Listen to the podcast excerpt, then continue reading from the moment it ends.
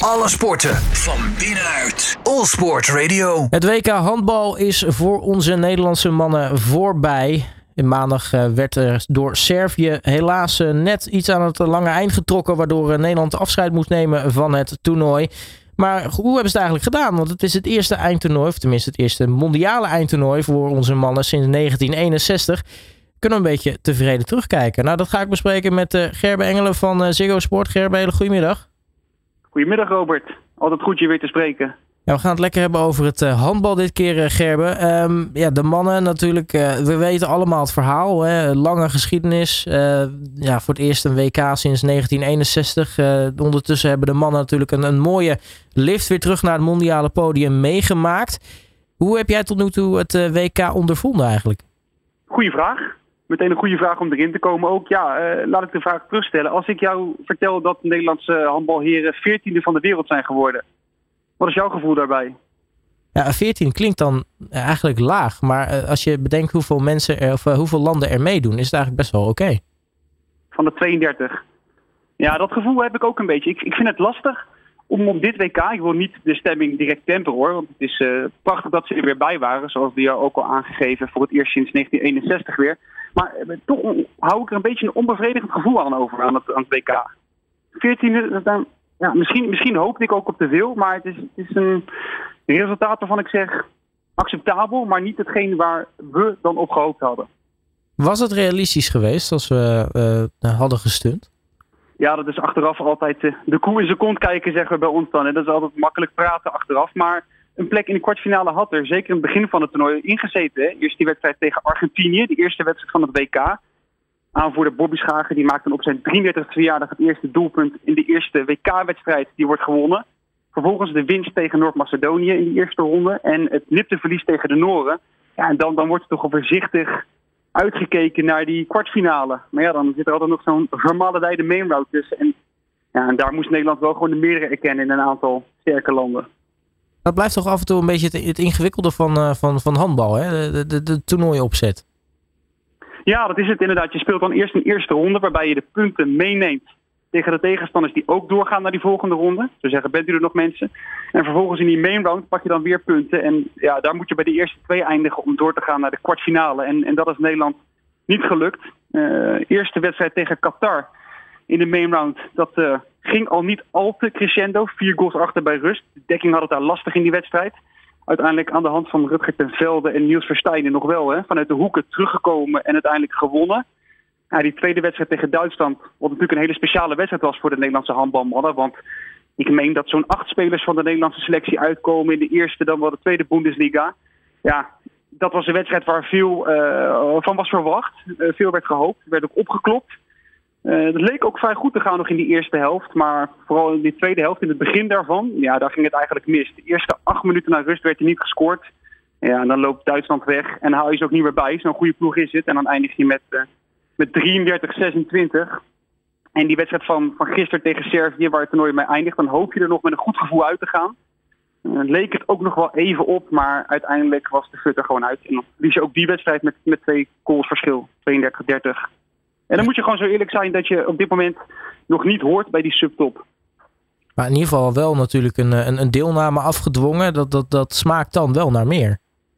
Ja, deelname afgedwongen, daar hebben we het eerder ook al over gehad. Ja, heb je het echt afgedwongen? Ze zijn met een wildcard geplaatst voor dit WK. Uh, ze hadden eigenlijk in de ontmoeting met Portugal, de dubbele ontmoeting, uh, rechtstreeks kwalificatie moeten afdwingen. Uiteindelijk krijg je dan een wildcard op basis van de prestaties van het Nederlands team. Uh, dan zit je erbij en dan, ja, zoals eerder aangegeven, hoopten we misschien als Nederland zijnde ook wel op te veel. Je kan niet direct van de begane grond op de zolder. Nee, dat, uh, daar moet je een paar trappen voor op lopen, inderdaad. Ja. maar er zit, maar er zit, er zit wel toch wel wat groei in de selectie, toch? Of, of zie ik dat verkeerd?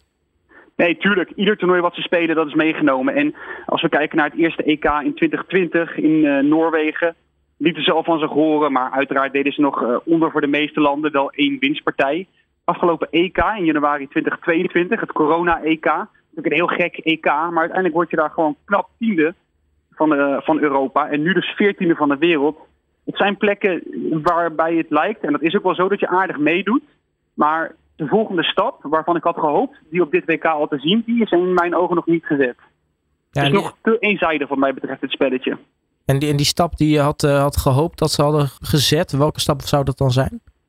Nou ja, als je praat in resultaten, minimaal het bereiken van de kwartfinale, wat mij betreft. Dat had echt een reëel doel mogen en moeten zijn. Ik denk ook een doel wat de handbalheren zichzelf wel hebben gesteld.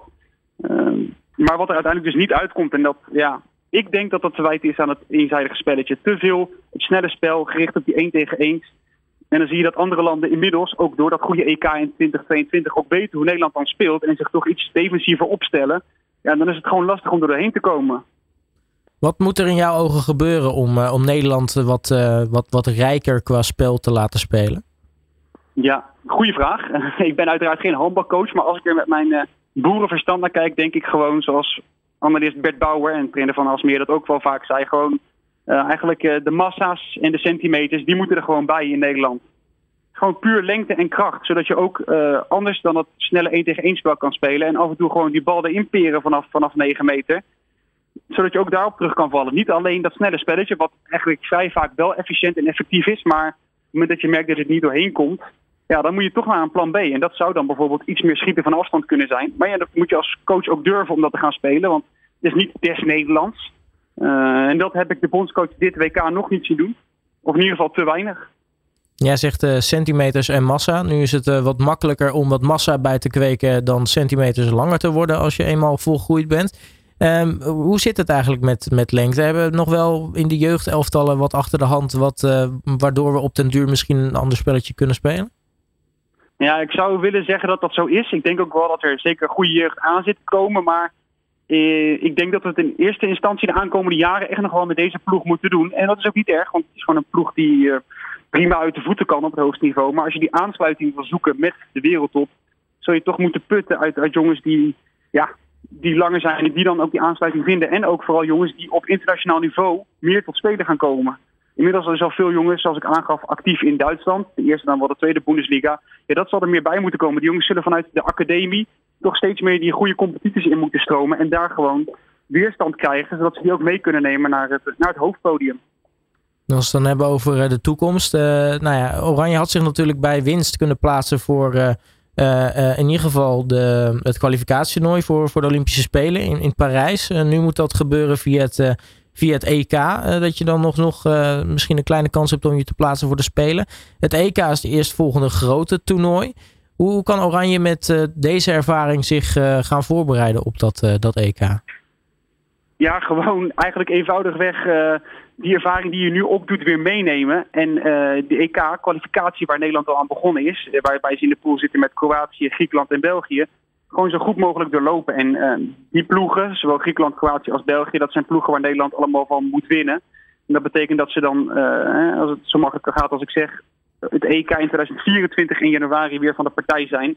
Ja, en daar moet dan wel echt die volgende stap gezet gaan worden. Nou, vorige, vorige WK tiende, uh, dan, dan moet je toch wel wat, wat stapjes hoger zitten.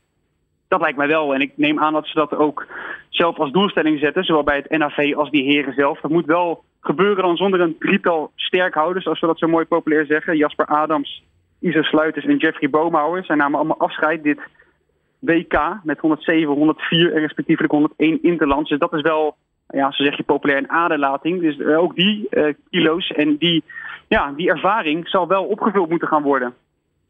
Kortom, uh, genoeg werk aan de winkel dus voor het, het Nederlandse mannenhandbal.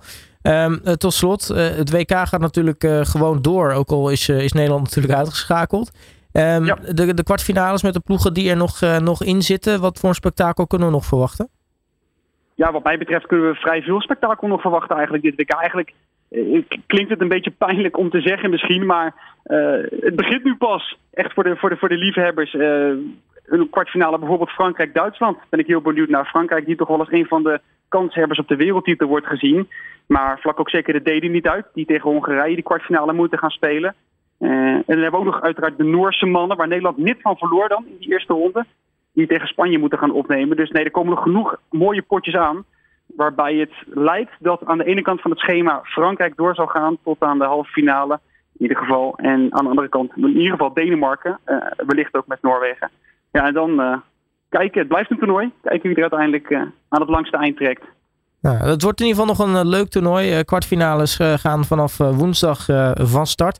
Gerbe Engelen van Ziggo mag ik je hartelijk danken voor je tijd. En natuurlijk heel veel kijkplezier natuurlijk voor de resterende wedstrijden. Zeker, dat mag. En vanaf maart is dus weer die kwalificatie voor het EK van de Nederlandse mannen te zien op Ziggo Sport. Hè? Nog even gemeld hebben. Precies, hartstikke mooi. En dan kunnen we weer genieten van de, het Nederlands team. Zo is dat. Alle sporten van binnenuit. All Sport Radio.